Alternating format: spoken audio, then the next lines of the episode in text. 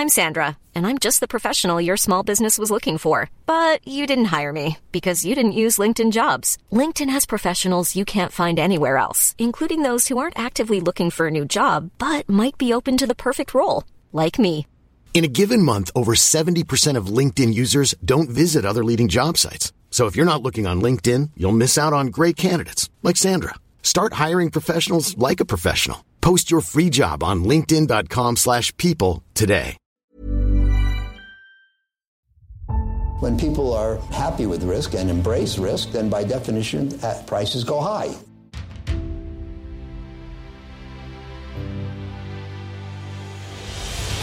When the cycle turns down, they generally sell at prices that are far too low. This is not about getting more information. We live in a world where we have too much data.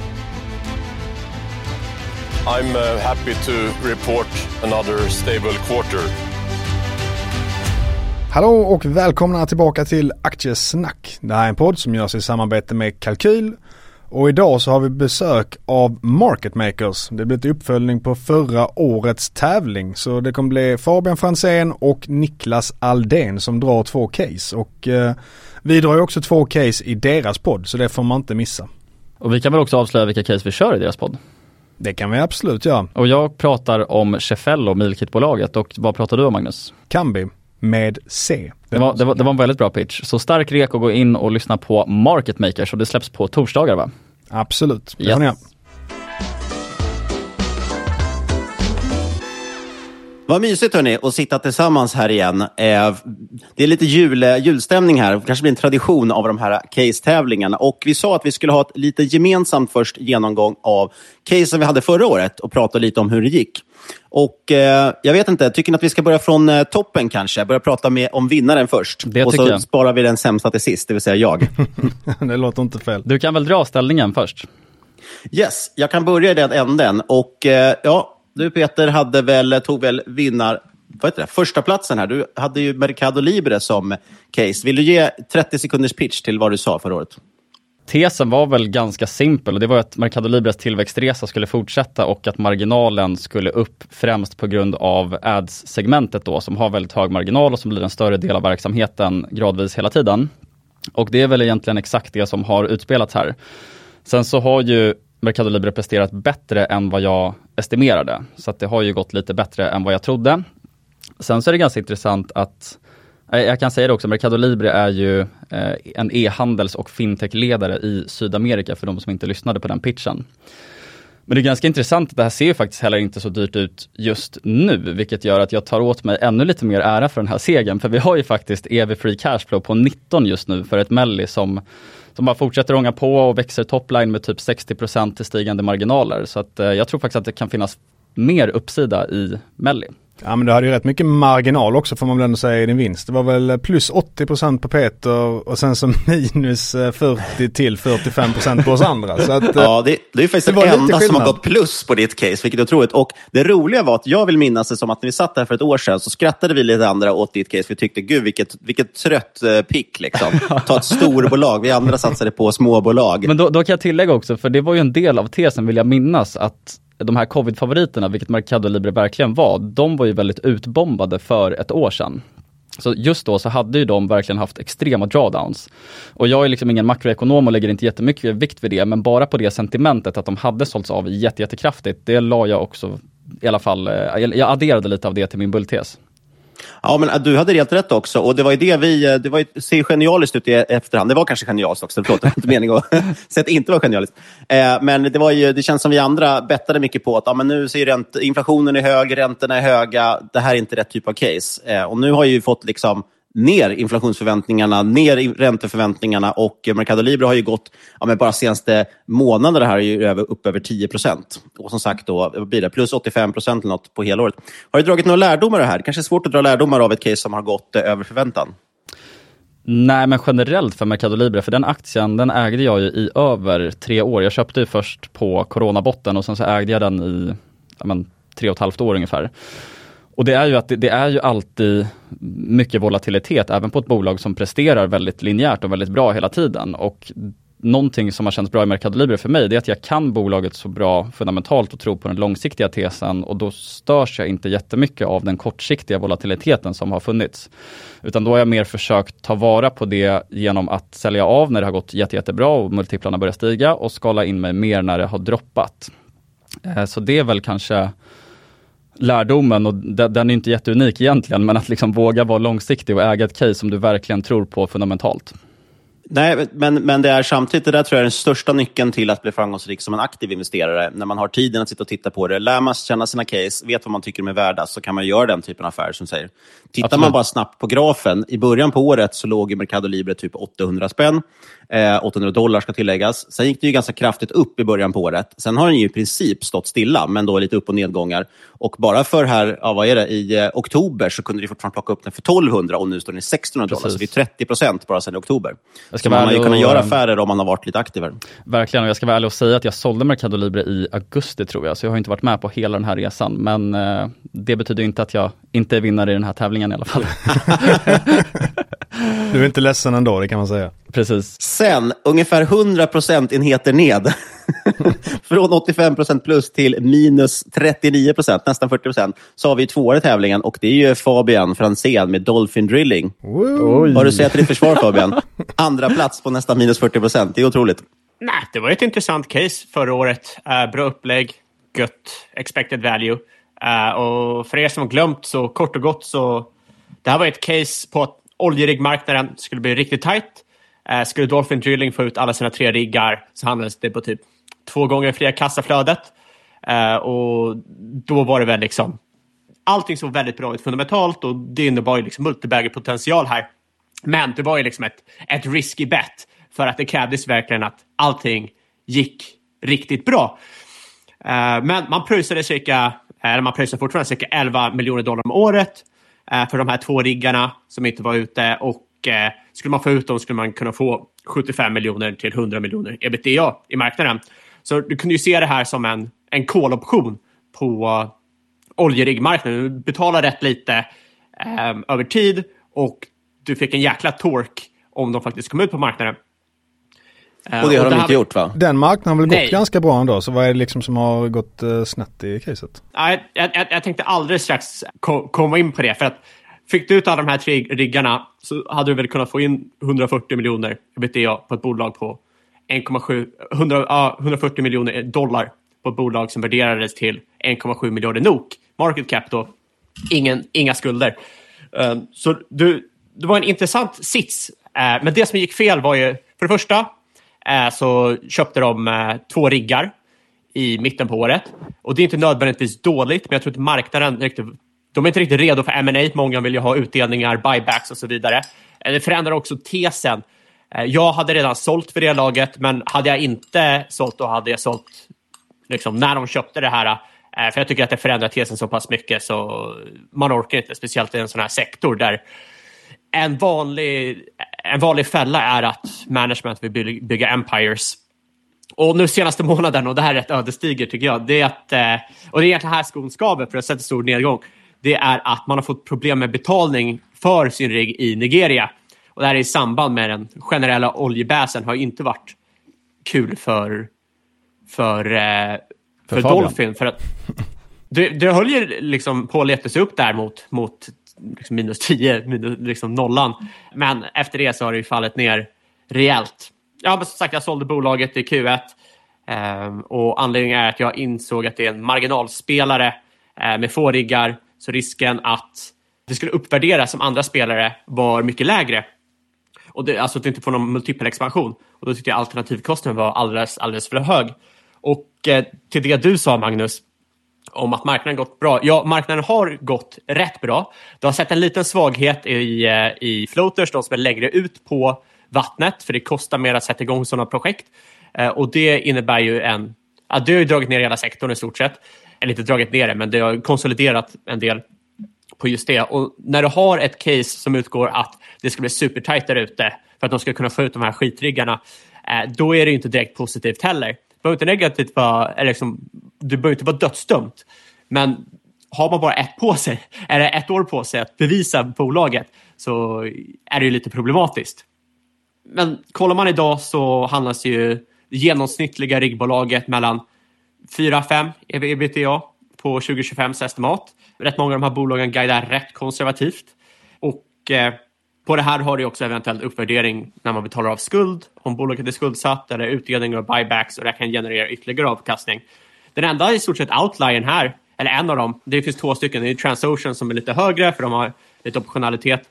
Men så är det ju Dolphin som handlas runt två gånger ebitda. Och det är mycket på grund av den här flottan de har just nu som är rätt, rätt kass, suboptimal eh, och de har ju lite, lite problem.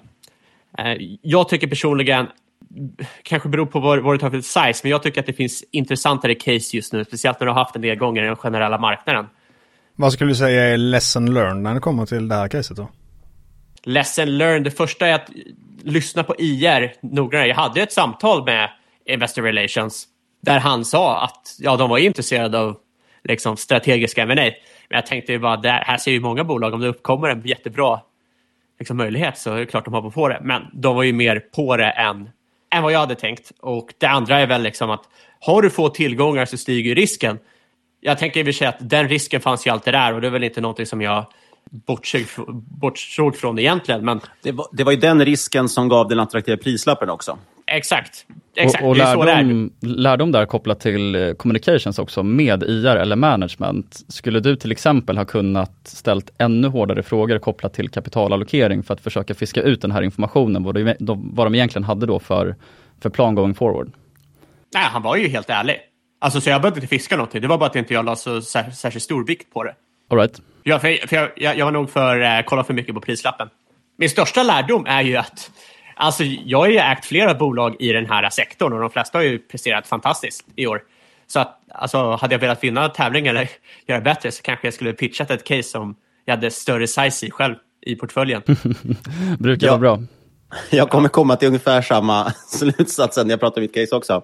Jag ser också Fabian att du har gjort, eh, verkar ha gjort enormt stor eh, kapitalförstöring och spridit till landet också. Antalet ägare på Dolphin Drilling var ju nästan noll 12 december förra året och sen spikade det där. Så det är upp på 100 procent antalet ägare sedan ett år tillbaks.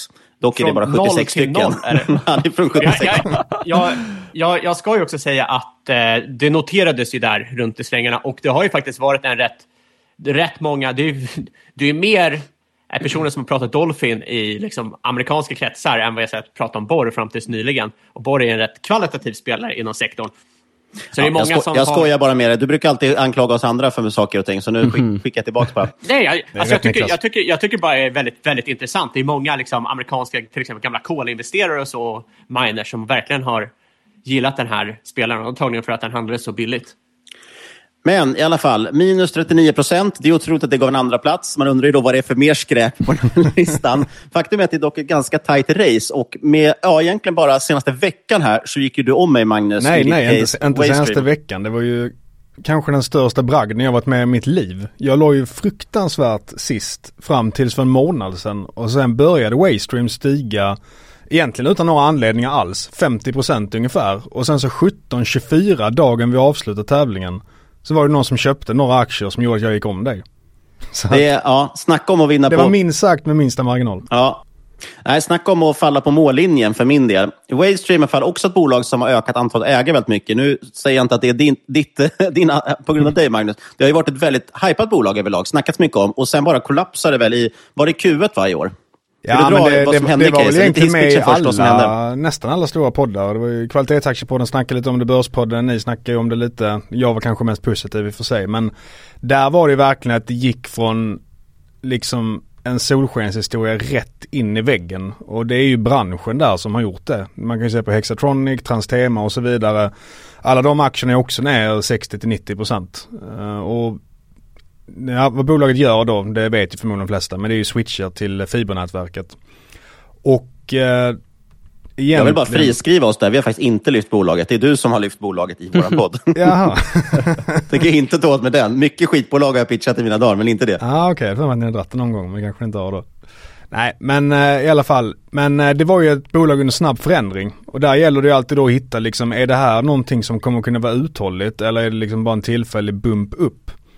Och då hade man ju flera grejer med att Huawei skulle bytas ut ur liksom alla nät och det var en av de absolut största spelarna för man vill inte ha kinesisk mjukvara inne i fibernätverken. Man hade expanderingen i Tyskland som började rulla på och det var en enorm marknad som skulle växa jättemycket. Och man hade precis slutit ett ramavtal med Telia. Så att det såg ju väldigt bra ut även när jag går tillbaka och kollar på det. Sen så det som jag kanske kan ta med mig det är hur otroligt stor påverkan marknaden kan ha. För att det var ju liksom marknaden tog ju totalt och dödade det caset. Det gick ju från att de växte vinsten med hundratals procent till att de gjorde minusresultat. Och det skedde ju på ett, två kvartal egentligen. Så att det var ju enorm snabb vändning i aktien. Ja, men är inte branschen otroligt cyklisk också? Jag, jag hade aldrig liksom lyft det här förra året, men i år har jag läst en del böcker om liksom, kabelindustrin och telekomindustrin och så. Och det man ser är liksom många... Det är en otrolig boom-bust-cykel där som eh, även för, för, liksom för bolag som ser, ser kvalitativa ut, vilket jag tror eventuellt drabbade till exempel Hexatronic rätt hårt. Jag vet inte, jag följer ja, bolagen ju... jättenoga. Det är ju framförallt eh, räntekänsligt har man märkt. Eh, sen så är det ju så att om liksom hela landet ska lägga om till fiber. I Tyskland tror jag det var 8% som hade fiber eller något sånt. Om det då är beslut från regeringen att man vill satsa på det här då kommer ju det liksom ske. Men sen så blir det till slut att kalkylen går inte ihop för det är ganska låga marginaler i fiberutbyggnad. Så att det var väl det helt enkelt som gjorde det. Och då blev det väldigt snabbt. Var det inte så att det fanns någon typ av blackbox kopplat till säkerheten också i intäkterna? Jag har för mig att när du har pratat om det i vår podd att du var inte helt hundra på hur mycket av nyförsäljning då som utgjordes av renewals för de här switcharna. Att det, det var lite så här osäkerhetsmoment för att om en jättestor del var renewals, alltså gamla liksom switchar som behövde bytas ut av befintliga kunder där man redan hade bra relationer. Då kunde man ju anta att det fanns en viss säkerhet i intäkter framåt. Ja men det sant. Men, men det var de inte det redovisade de inte va? Eller inte Nej exakt, så man kunde inte veta exakt hur mycket det var. Precis, men det fanns ju ett potentiellt liksom, bra bullcase där. Men det var ju som sagt en blackbox och det tror jag att du sa också i, i aktiesnack. Ja, för de, de har ju sagt det att de, har ju, de vinner ju stadsnät och så vidare. Och så när stadsnäten då gör om till fiber och bygger nya hus och så vidare, då tar de och använder Waystream. Och de säger att de har aldrig förlorat en kund någonsin. Så deras churn är liksom noll under typ 15 års tid, vilket är extremt bra. Men sen så hur stor andel av försäljning som kommer då från de här befintliga stadsnäten och hur mycket som kommer från nya till exempel stororders från Tyskland eller Norge och så vidare.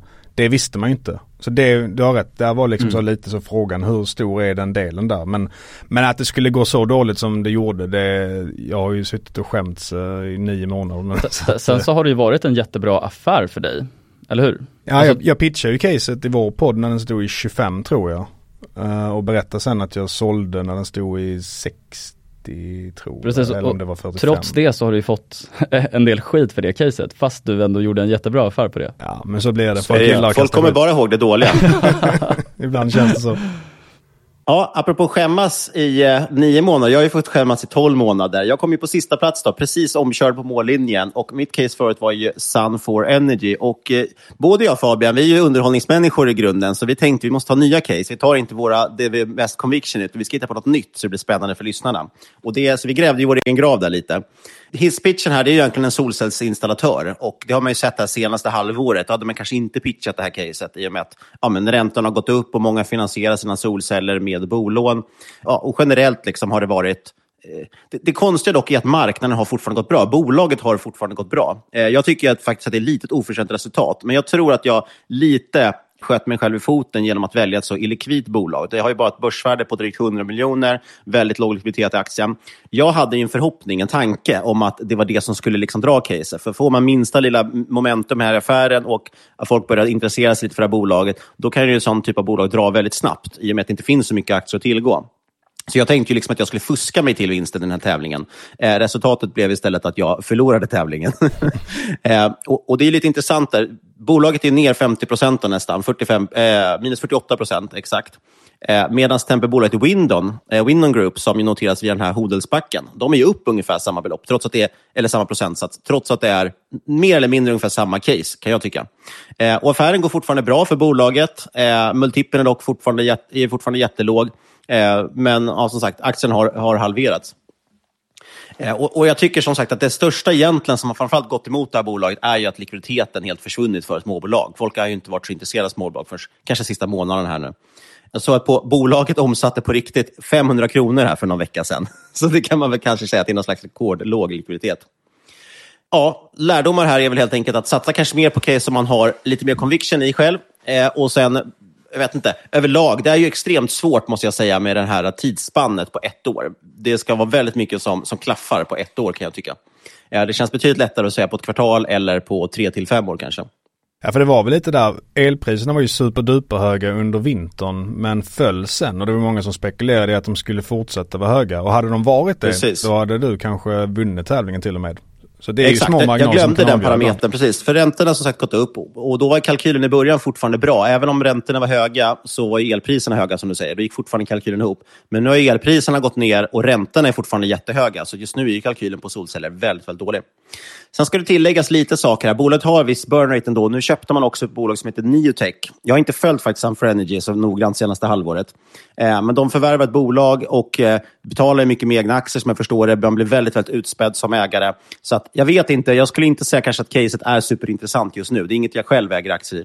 Men jag har inte alla detaljer riktigt kring det uppköpet som sagt för att jag inte riktigt följer bolaget så noggrant. Jag såg däremot att vd köpte aktier för en och en halv miljon här för, för någon vecka sedan. Eller vad, och två dagar senare så då gick man ut med en order på nästan 8 miljoner. Eh, och för det här lilla bolaget så är det ganska signifikant. Jag kan tycka att det såg kanske inte jättebra ut. Med det summerat, så sagt, spridda skurar mellan poddarna, men eh, eh man får väl ändå någonstans säga att Peter är den stora vinnaren här, som är den enda som har gått plus på sin, sitt case. ja, det är väl Peter och jag med den här upphämtningen då, eh, får man väl säga. Ja. Om, du vill, om du vill vrida det åt det hållet, absolut. Jag, jag försöker göra det, annars kan man inte ta mig igenom det psykiskt. Ja men suveränt, men då är det lite case-dags då. Vem vill börja av eh, Fabian och Niklas? Mitt är kortare, så att Niklas kan ju börja.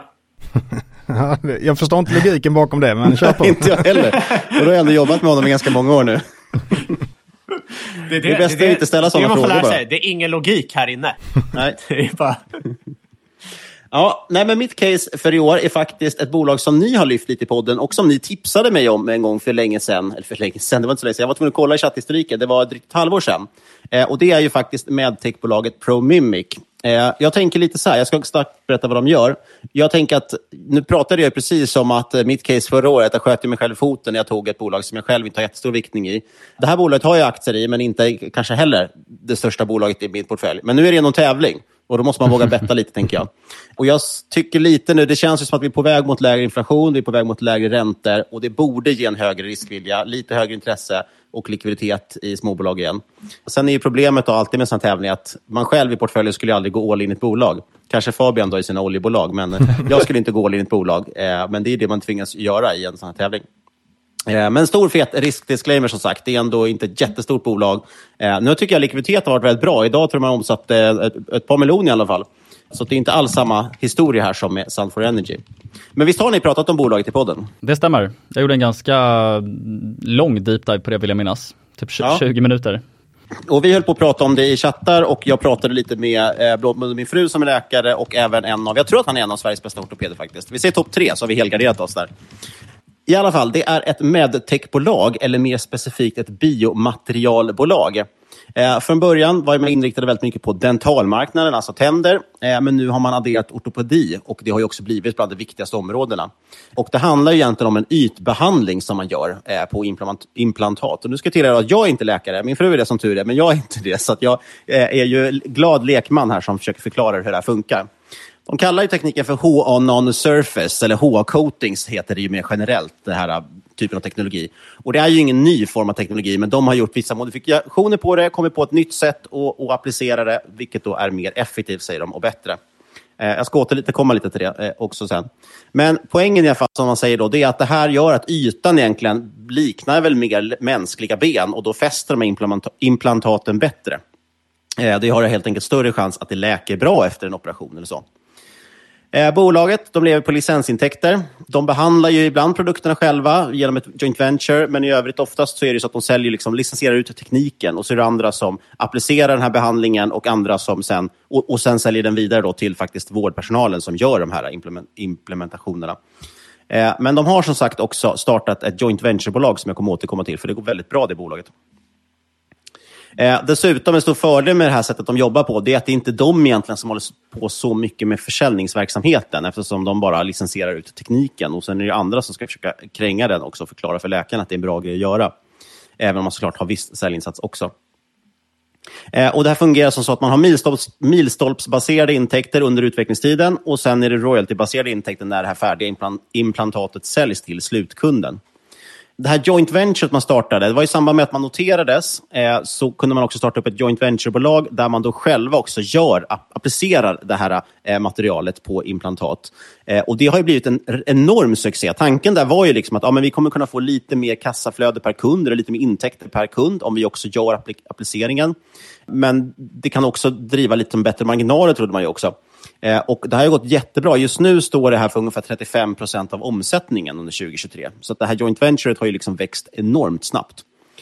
Och De har ett gäng olika produkter, eller snarare deras kunder gör massvis med olika produkter på det här. Och Dessutom så har man nu fått ett fast track hos FDA, alltså amerikanska läkemedelsinspektionen eller vad man kallar det för. Eh, så deras liksom ytbehandling är förgodkänd kan man säga. Så att när en av deras kunder skickar in ett nytt implantat och säger att vi har behandlat det med Promimix liksom H-nanocoating, eh, då är det lite halv, halvgodkänt redan. Man får en fast track så det går fortare att godkänna det. Man behöver inte liksom börja om på nytt och försöka titta igenom produkten, för man vet att den funkar. Eh, och några fördelar de lyfter med sin teknik eh, det är att den är väldigt lätt att applicera på i princip alla typer av material och former. okay, vad skiljer dem från tidigare metoder? Jo, en stor trend egentligen inom implantat är ju att mer och mer blir till exempel 3D-printat. Och Man jobbar mycket också i vissa applikationer med mer porösa material. Och Den typen av porösa material och 3D-printade material har inte liksom kunnat har man inte kunnat applicera någon form av ytbehandling på med traditionella metoder. Men den här HA Nano Coating-varianten som de har tagit fram funkar faktiskt att applicera på de här. Så de ligger väldigt, väldigt rätt till i hur marknaden utvecklas. Precis som du nämnde Niklas i början så pratar ju du med din eh, kompis som är eh, ortoped. Och eh, jag, jag, vill minnas det ganska väl att när vi pratade om det här caset, det var väl typ i, innan sommaren kanske vi diskuterade det via Twitter. Mm. Men då var du väldigt rapp på det, att så här, ja men jag ska kolla med min polare. Eh, kan du inte berätta om lite insikter som han då har berättat kring det här caset och även då applikationsområdet för HA Nano Surface? Precis, för jag tänkte det, det är lite kul. Jag känner en, en kille som är faktiskt väldigt, väldigt duktig ortoped eh, och han är dessutom aktieintresserad. Så jag tänkte det här måste jag lyfta med honom. Och det var rätt kul då, för först skickade jag bara över liksom. Kan vi snacka om det här bolaget? Han gjorde lite snabb googling, tittade på tekniken och sa att det här är en dussinprodukt. Det är totalt ointressant. Luktar pump and dump, sa han i princip till mig. Så jag tänkte okej, okay, det här var ju spännande. Men eh, vi hördes på telefon sen och så började vi prata lite grann. Då sa han ju det att det här med HA-coating som man håller på med, det är liksom inget nytt och revolutionerande. Och han tyckte att när han läste deras prospekt och så här, kändes som att de, de lyfter upp det här som att det är nya Messias de har levererat till världen. Och sa, men det här är ingenting nytt. Det har funnits i 50 plus år och det finns många andra bra alternativ. Varför skulle man välja det här? Sen pratar vi vidare lite. Och Då börjar vi landa i att, men vänta nu, den här metoden är ju faktiskt bättre än de alternativen inom HA-coating. Och Han menar på att HA-coating är inte hela marknaden. HA-coating är inte liksom Eh, kanske inte ens... Alltså alla kommer inte applicera det. Det är inte så att de kommer ta över hela marknaden. Men det han inte riktigt har tagit hänsyn till, som man började fundera på då, det är hur stor är egentligen den här HA-coating-marknaden? Och den är ett par miljarder dollar varje år. Så det är liksom ingen liten marknad. Och, och då med ett bolag som omsätter några miljoner, ja då helt plötsligt är det ganska intressant. Kan man ta några procent av marknaden, när de verkar ha ett av de bästa alternativen inom den marknaden, då är plötsligt så är det ganska stor skillnad. Vid det tillfället omsatte bolaget, jag kommer inte ihåg exakt, men låt säga att några tiotals miljoner, om ens det. Eh, vilket betydde att det fanns en ganska stor runway helt plötsligt för bolaget. Eh, och Det slutade faktiskt också att han köpte aktier i det här bolaget, för han tyckte det var så pass intressant. Eh, så han sa egentligen det att just för den här typen av liksom, applikationer de gör, de kommer inte kunna ta hela implant implantatmarknaden, men för just det de håller på med, med ryggimplantat och dentalimplantat, så finns det liksom en tillräckligt stor marknad för att det här ska vara väldigt intressant. Och just det där med TAM, det, det brukar jag tycka är så här lite halvdant argument ibland, men just när det kommer till den här typen av setup, när du har fått liksom FDA-godkännande, du har precis börjat sälja och försäljningen går väldigt, väldigt snabbt uppåt. Just inom den nischen, liksom inom medtech, eh, när det liksom är skyddat av FDA eller någonting liknande, då tycker jag att det är ett annat case. Men i, i Promimic till exempel så måste man ju räkna med väldigt mycket tillväxt. Jag vet att du till exempel Magnus, det, det är inget typiskt case för dig, eller hur? Nej, jag men... tänkte komma till frågan, hur är multiplarna på det här Niklas? Jo, jo, det kommer komma till det. De är hutlöst ja. höga. Eh, men det är det som är grejen att eh, Därav att vi, vi, det, det bygger lite på att också räntorna ska ner nu. Annars räknar vi inte hem där. Jag tänkte i alla fall säga det bara att så här, normalt så tycker man ju förmodligen, vi kommer ju dit som, som, du sa, att de här multiplarna kommer låta väldigt, väldigt höga. Men som sagt, det här argumentet med TAM och FDA och en snabb uppskalning, det tycker inte jag ska underskattas i den här typen av case. Nej, precis. Och eh, jag tyckte det var lite intressant. Alltså, det är lite kul. Sverige känns ju som att eh, vi är bra inom det här bensegmentet. vi har ju väl tre bolag tror jag. Det är ju Promimic, men sen är det, det största stjärnan är väl eh, Bone Support. Precis. Eh, som också växer otroligt bra. De har ju sin Cerament, heter väl den produkten. Eh, och sen finns det också ett bolag som heter Integrum, eller Integrum. De har jag dock inte bra koll på, men jag såg att de kom med en omvänd vinstvarning här för någon vecka sedan. Och sen Ost Design, är inte det lite eh, samma sak också? Jag kan i och för sig inte riktigt, men det är väl kranier också man behandlar Det, på något det är sätt. samma typ av setup är det och typ samma folk som har köpt det här bolaget. Men, men de gör inte samma sak. Nej, men så det är lite intressant. Och, och Bones Support, som sagt, det är väl det som någonstans är ledstjärnan här. Man tänker att kan de här göra en, en tiondel av den resan så är det rätt bra. Bones Support är ju upp över 1000, eller nästan 1000 procent de senaste fem åren och har också hutlösa multiplar. Eh, men det brukar ju bli den typen av multiplar på den här typen av bolag när de växer så extremt snabbt och de kan göra det länge. Jag råkar också veta faktiskt att en, en väldigt populär fondförvaltare, jag behöver inte nämna namn, men han hade ju träffat Promimic och det var innan den här resan gick väldigt snabbt uppåt, alltså för aktien. Och då hade han faktiskt refererat till Bone Support och sagt typ så här, det kändes som att träffa Bone Support på X kronor, alltså så här jättelåg aktiekurs liksom. Som att man kunde köpa ett Bone Support väldigt tidigt med andra ord. Ja, men, och Det är det som kittlar lite i den här tanken. Sen är det ju ett högriskcase, det är höga multiplar, så att som sagt, man går inte all in i den här typen av aktie. Men det kan vara en intressant krydda och nu är det en tävling, så då måste man betta högt. Jag tyckte det var intressant, apropå just Bone Support också. Någonting de lyfter på Mimic själva är att de säger att just nu finns det en växande trend eh, mot att man går mot ocementerade och os, os, osiointegrerade implantat. Jag vet inte en an, har ingen aning om vad det sistnämnda är. Men jag tyckte det var roligt att de pratade om det här med ocementerade implantat, för det är ju det som Bone Support håller på med. Och de menar att trenden är bort från det. Eh, och det är då positivt för eh, Promimic. Promimics liksom, teknik är väldigt bra applicerat, eller bra anpassat för den typen av tekniker som växer mest inom ortopedi. Och sen så ser man också liksom att det här är, väl, det är väldokumenterat, bevisar klinisk nytta, man har vunnit en mängd innovationspriser, man har blivit finansierad av mycket sådana innovationsmyndigheter som Almi och mer lokala grejer i Göteborg. Det är ett bolag som har, liksom ett, tycker jag ändå, eh, hyfsat högt förtroende ändå, även om det är som sagt tidigt, tidigt i sin, sin eh, resa. Hur ser ägarbilden uh, ut?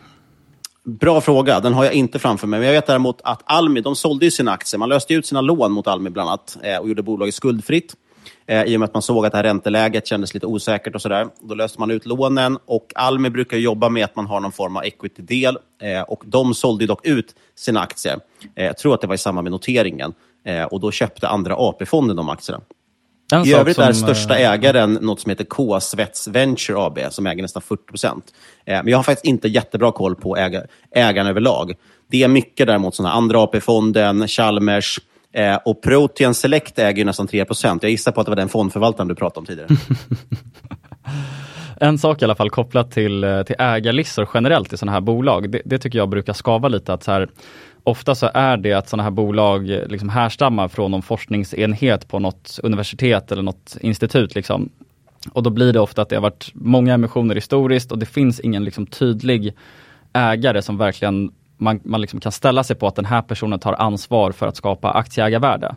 Det tycker jag generellt kan vara ganska svårt i de här bolagen. Alltså att jag får aldrig riktigt en conviction kring ägarbild och management faktiskt. Och det, var, det var lite det problemet jag hade med Promimic, men nu har jag faktiskt inte insiderägandet i huvudet.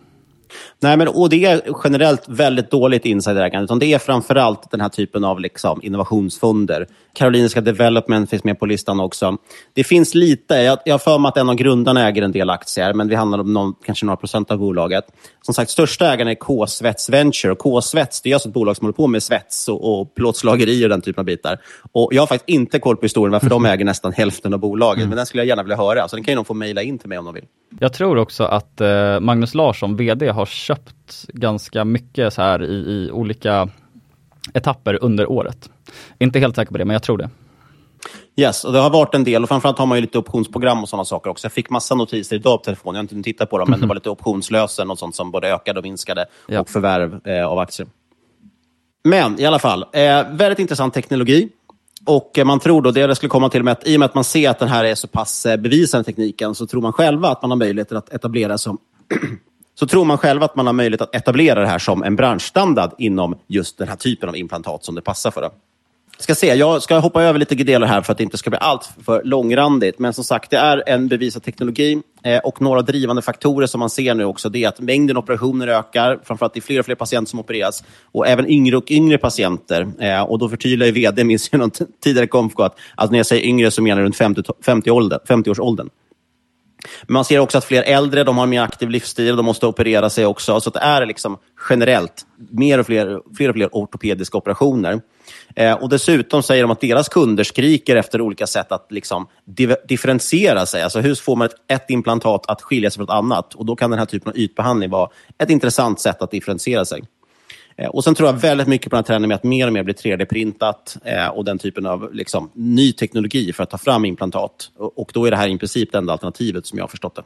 Vad tänker du om den finansiella utvecklingen för de som jag har pratat med kring det här caset? Alla har ju typ ställt sig på guidance och liksom lägger multiplarna på det.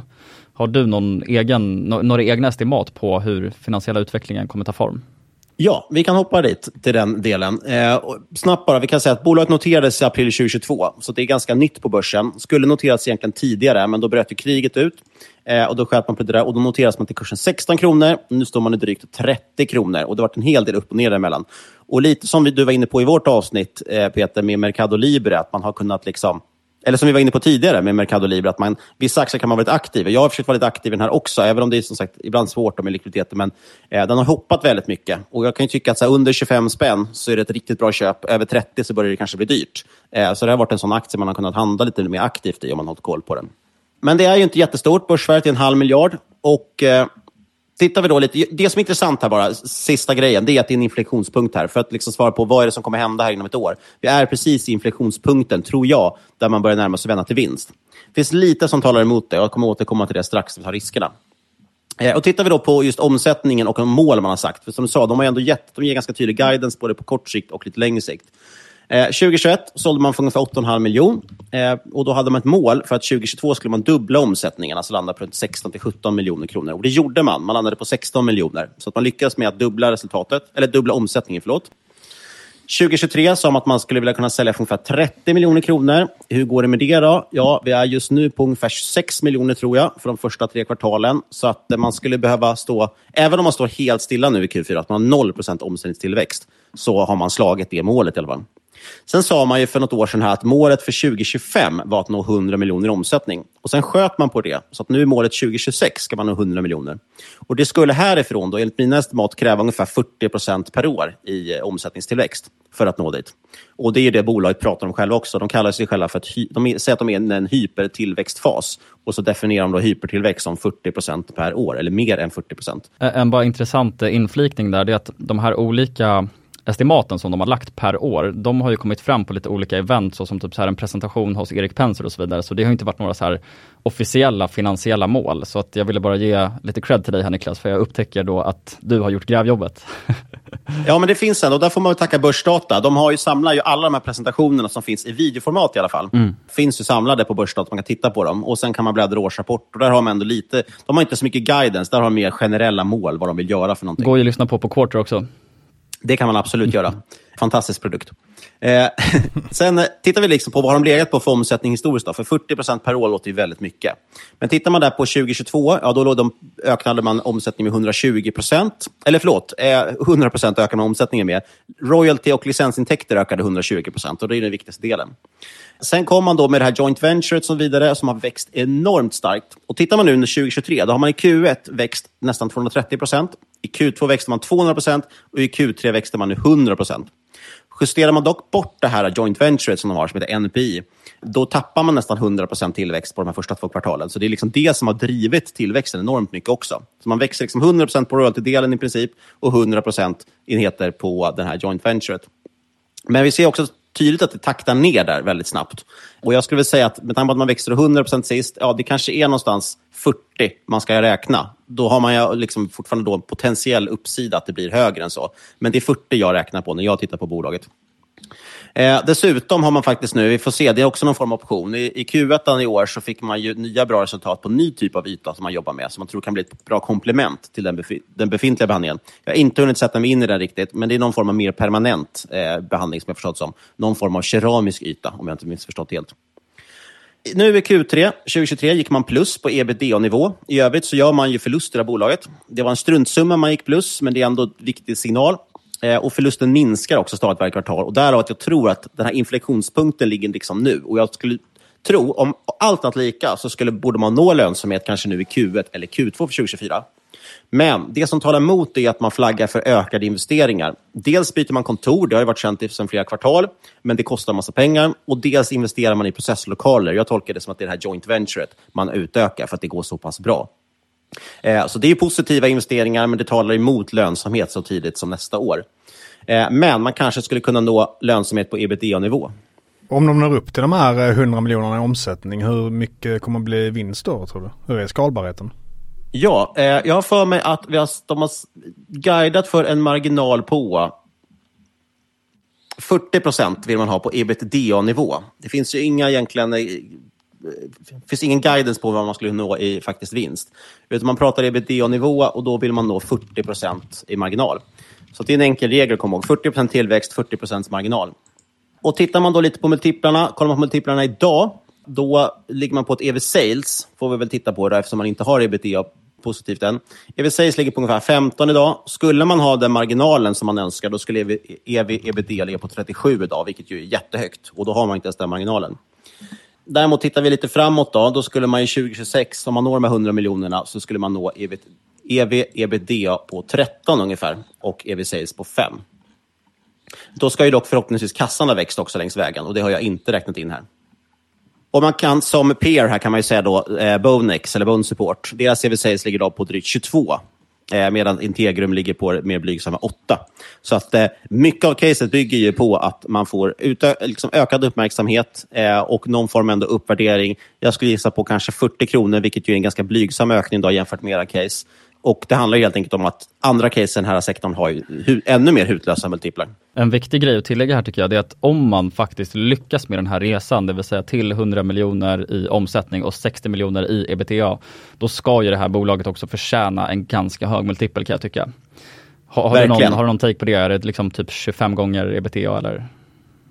Ja, men det ska väl upp någonstans där. Kanske inte på bondsupportnivåer, men någonstans liknande. Och, och, lite handlar det om att bygger man upp den här storyn rätt och den spelar ut sig rätt framförallt också, mm. eh, då blir det liksom bonsupport-vibbar. Eh, och börjar driva in lite mer institutionellt kapital och folk får upp ögonen för det.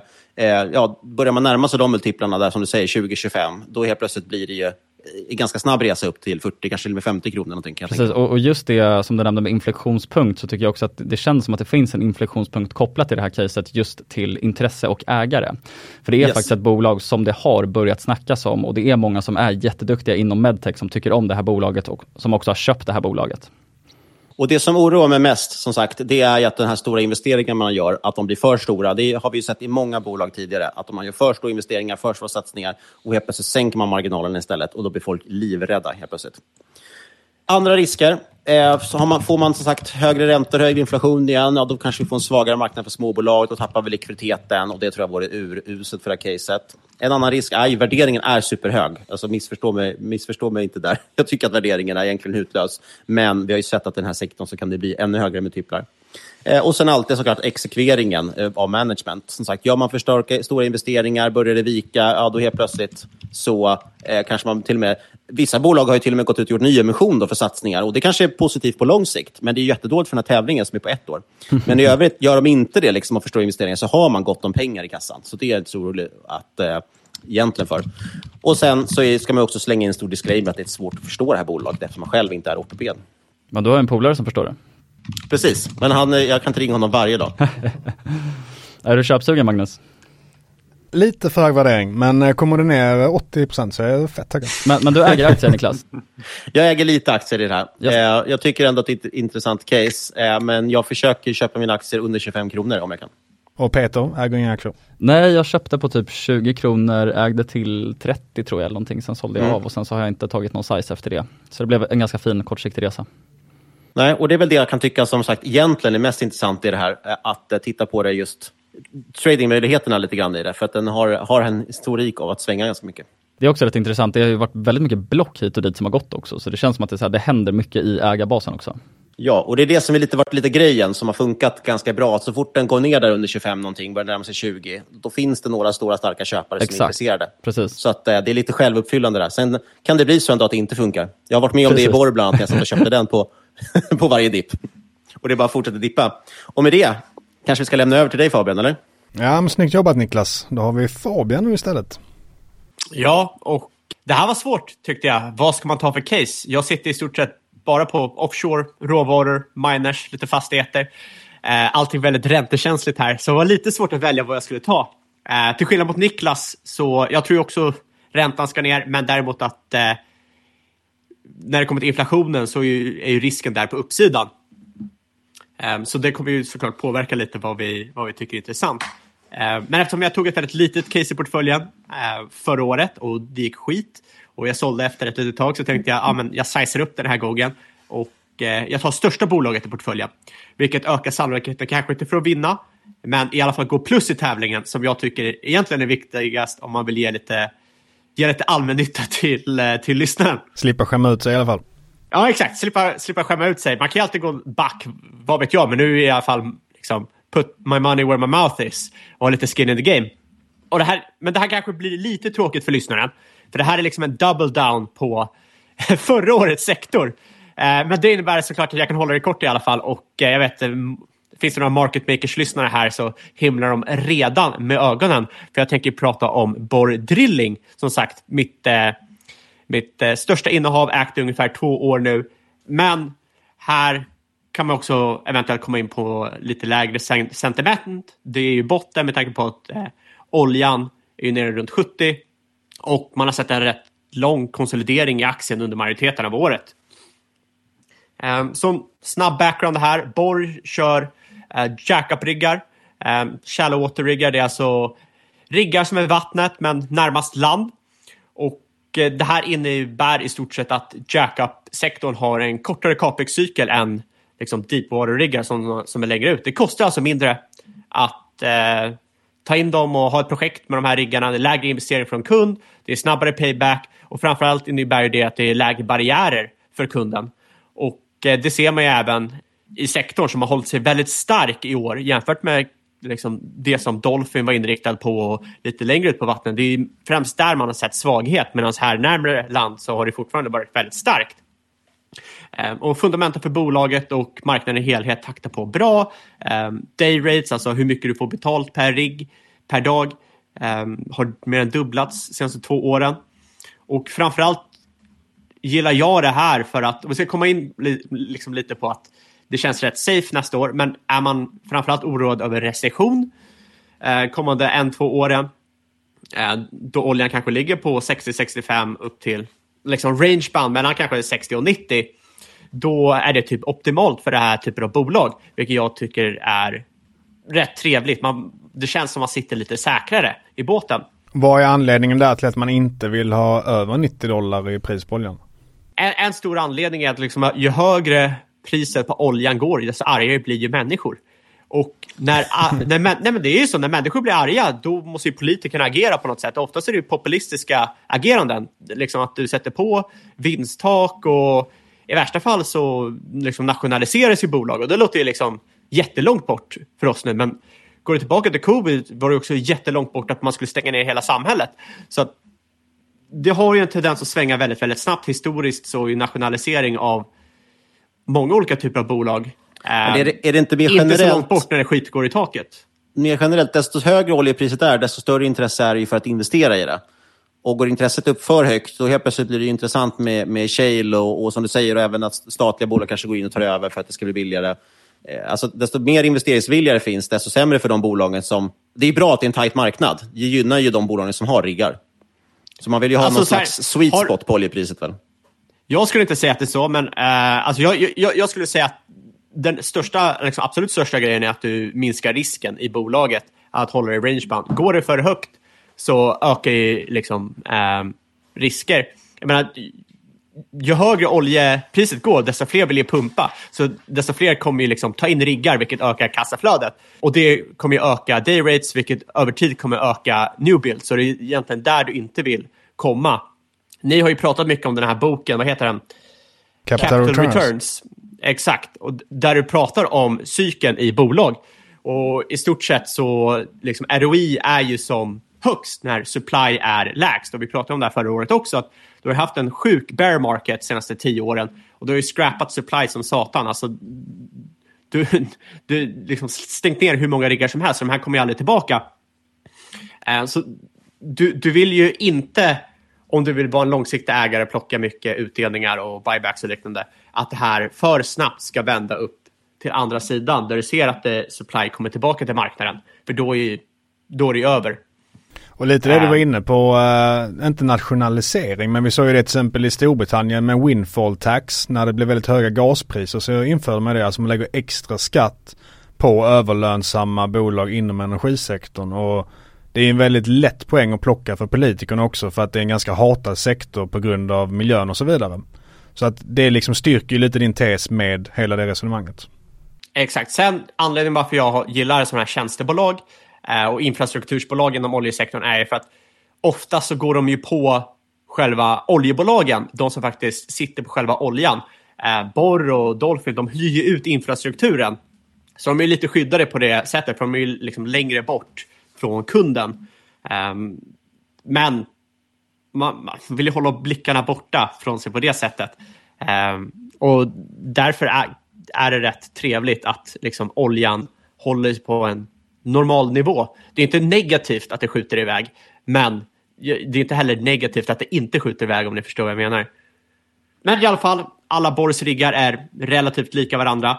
De har 22 aktiva riggar, två stycken som kommer ta sig i arbete om ett år ungefär, som är nybyggen. Eh, snittålder på cirka sex år. Det här innebär att de har väldigt låg capex, eh, de kan ta på sig väldigt komplexa projekt, det är diversifierad geografi som många andra inte kan göra. Eh, framförallt så är det enklare för oss investerare att räkna på bolaget för att du behöver inte ha massor med olika, alltså hur mycket man betalar för riggarna kommer såklart variera vilket, på grund av liksom, kontrakten man sluter med kunden. Men en rigg nära land och en som är ute på vattnet kommer ha väldigt stor spread och väldigt st stora skillnader för det är liksom två helt olika produkter. Det bör du inte tänka på i det här uh, caset. Och då gör det lättare att hålla koll på vad som händer på marknaden. Uh, väldigt diversifierad uh, kundbas, cirka 40 procent i Amerika, 50% Västafrika, 20% Sydostasien, 30 Mellanöstern. Uh, och det här gör ju att man inte är liksom, fast i ett område. Du ser att konflikter poppar upp lite här liksom, var som helst över tiden. Eh, det är rätt skönt att liksom veta att du kommer inte vara för utsatt för ett område. Och cirka 40 procent internationella oljebolag, 60 procent från nationella. Och, och sen kommer det in liksom till kontrakten här.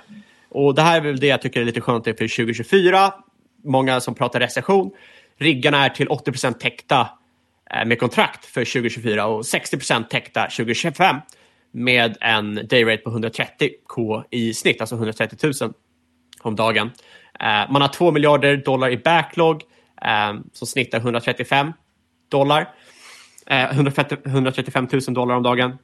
Och man har adderat cirka strax över 700 miljoner i år med en implicit day rate på 160. Och det är mycket siffror, jag förstår det. Det som det här liksom pekar på är att det sakta taktar uppåt. Um, och Det här gör ju att liksom, FCF-bilden känns relativt stabilt i det här bolaget. Eh, vilket jag tycker är intressant när man har liksom en lite större position. Eh, idag handlas bolaget till ebita 6 eh, på 2024 års guidance.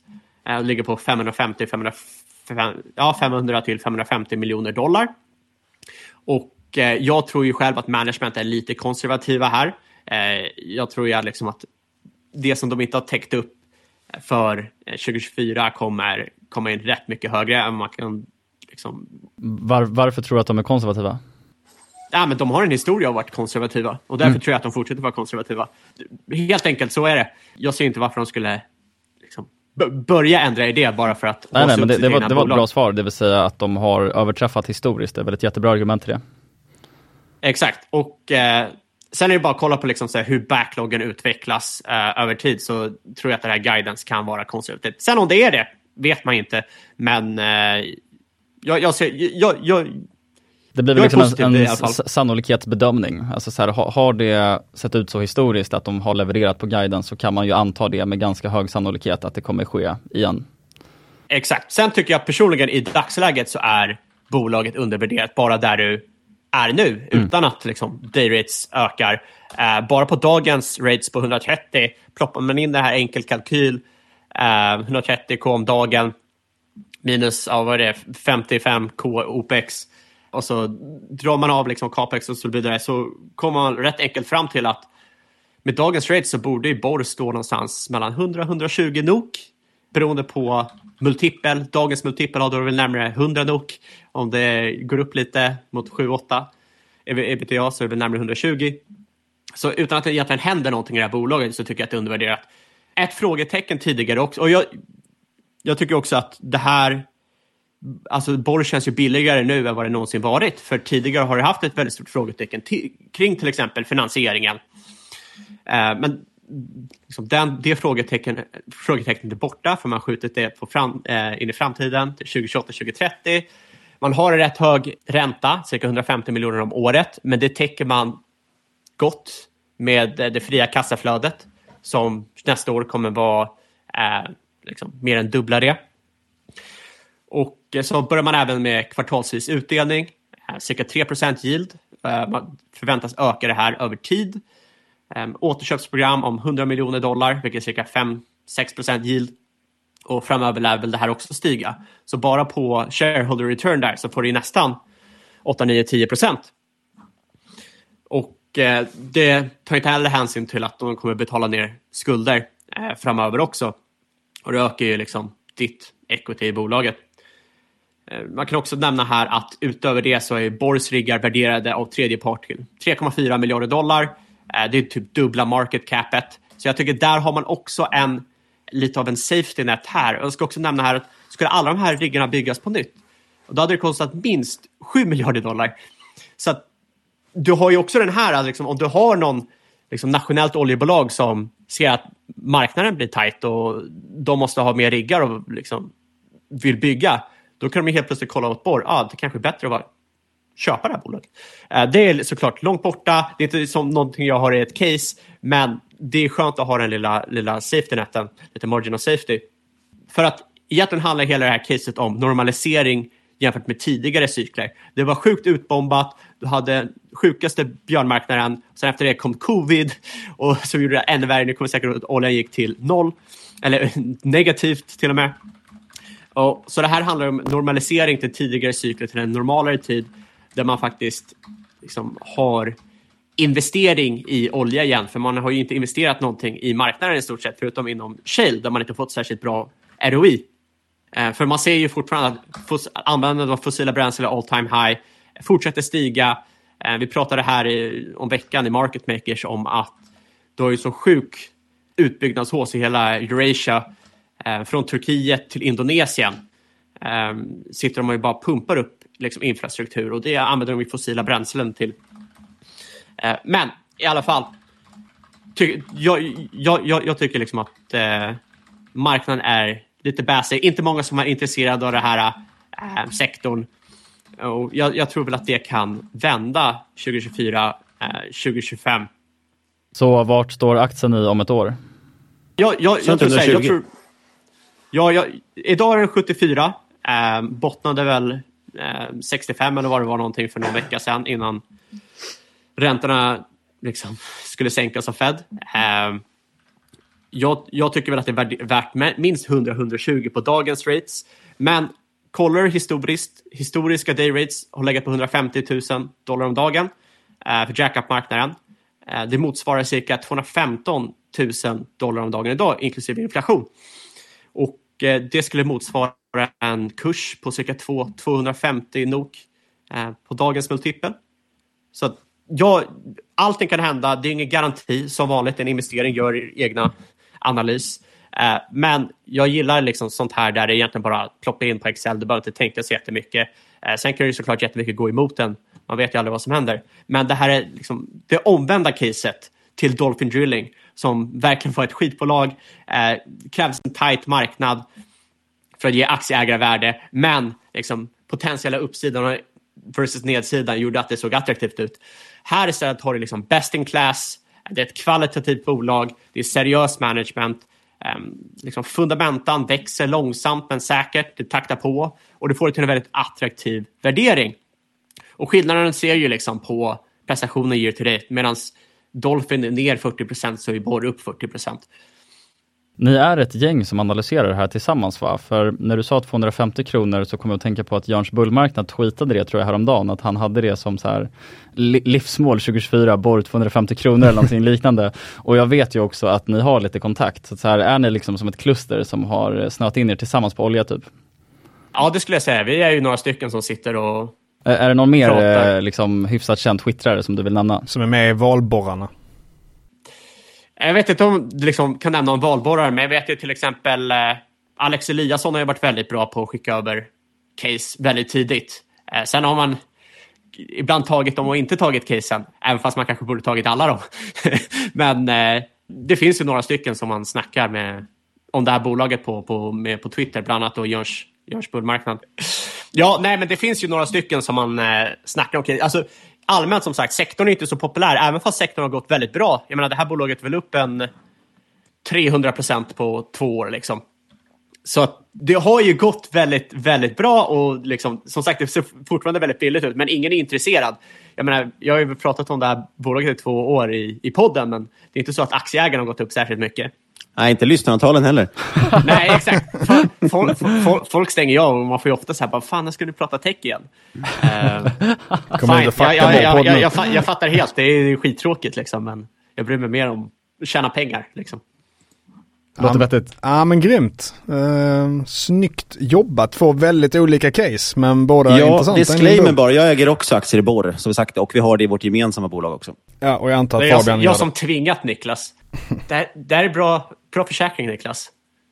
Det här kommer betala dina döttrars eh, universitetsutbildning. Tur att man bor i Sverige så man inte behöver det. du vet aldrig var de ska plugga. Då kanske, det kanske är Harvard nästa. Om du hade sett min portfölj senaste året så vet du att de inte kommer plugga någon annanstans än där det är gratis. Ja men suveränt. Med det får vi nog runda av dagens avsnitt och uh, gå absolut in och lyssna på min och Peters pitch också i uh, Market Makers. Så får ni ja, höra men två, två. två väldigt skarpa pitchar så det tycker jag verkligen. Stort tack detsamma. Ja, ja men suveränt. Men jävligt kul att köra igen grabbar. Ja. Vi får väl köra verkligen. en follow-up om ett år igen. Ja, så vi, vi hörs om ett år. Ja, Förhoppningsvis tidigare. ja, ha det gött.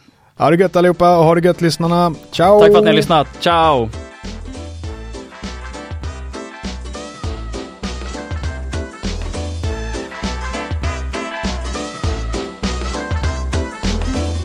Inget som har sagts i den här podden är rådgivning eller rekommendationer. Eventuella sponsorer tar inget ansvar för det som sägs i podden. Gör alltid en egen analys och alla aktier är förknippade med risk.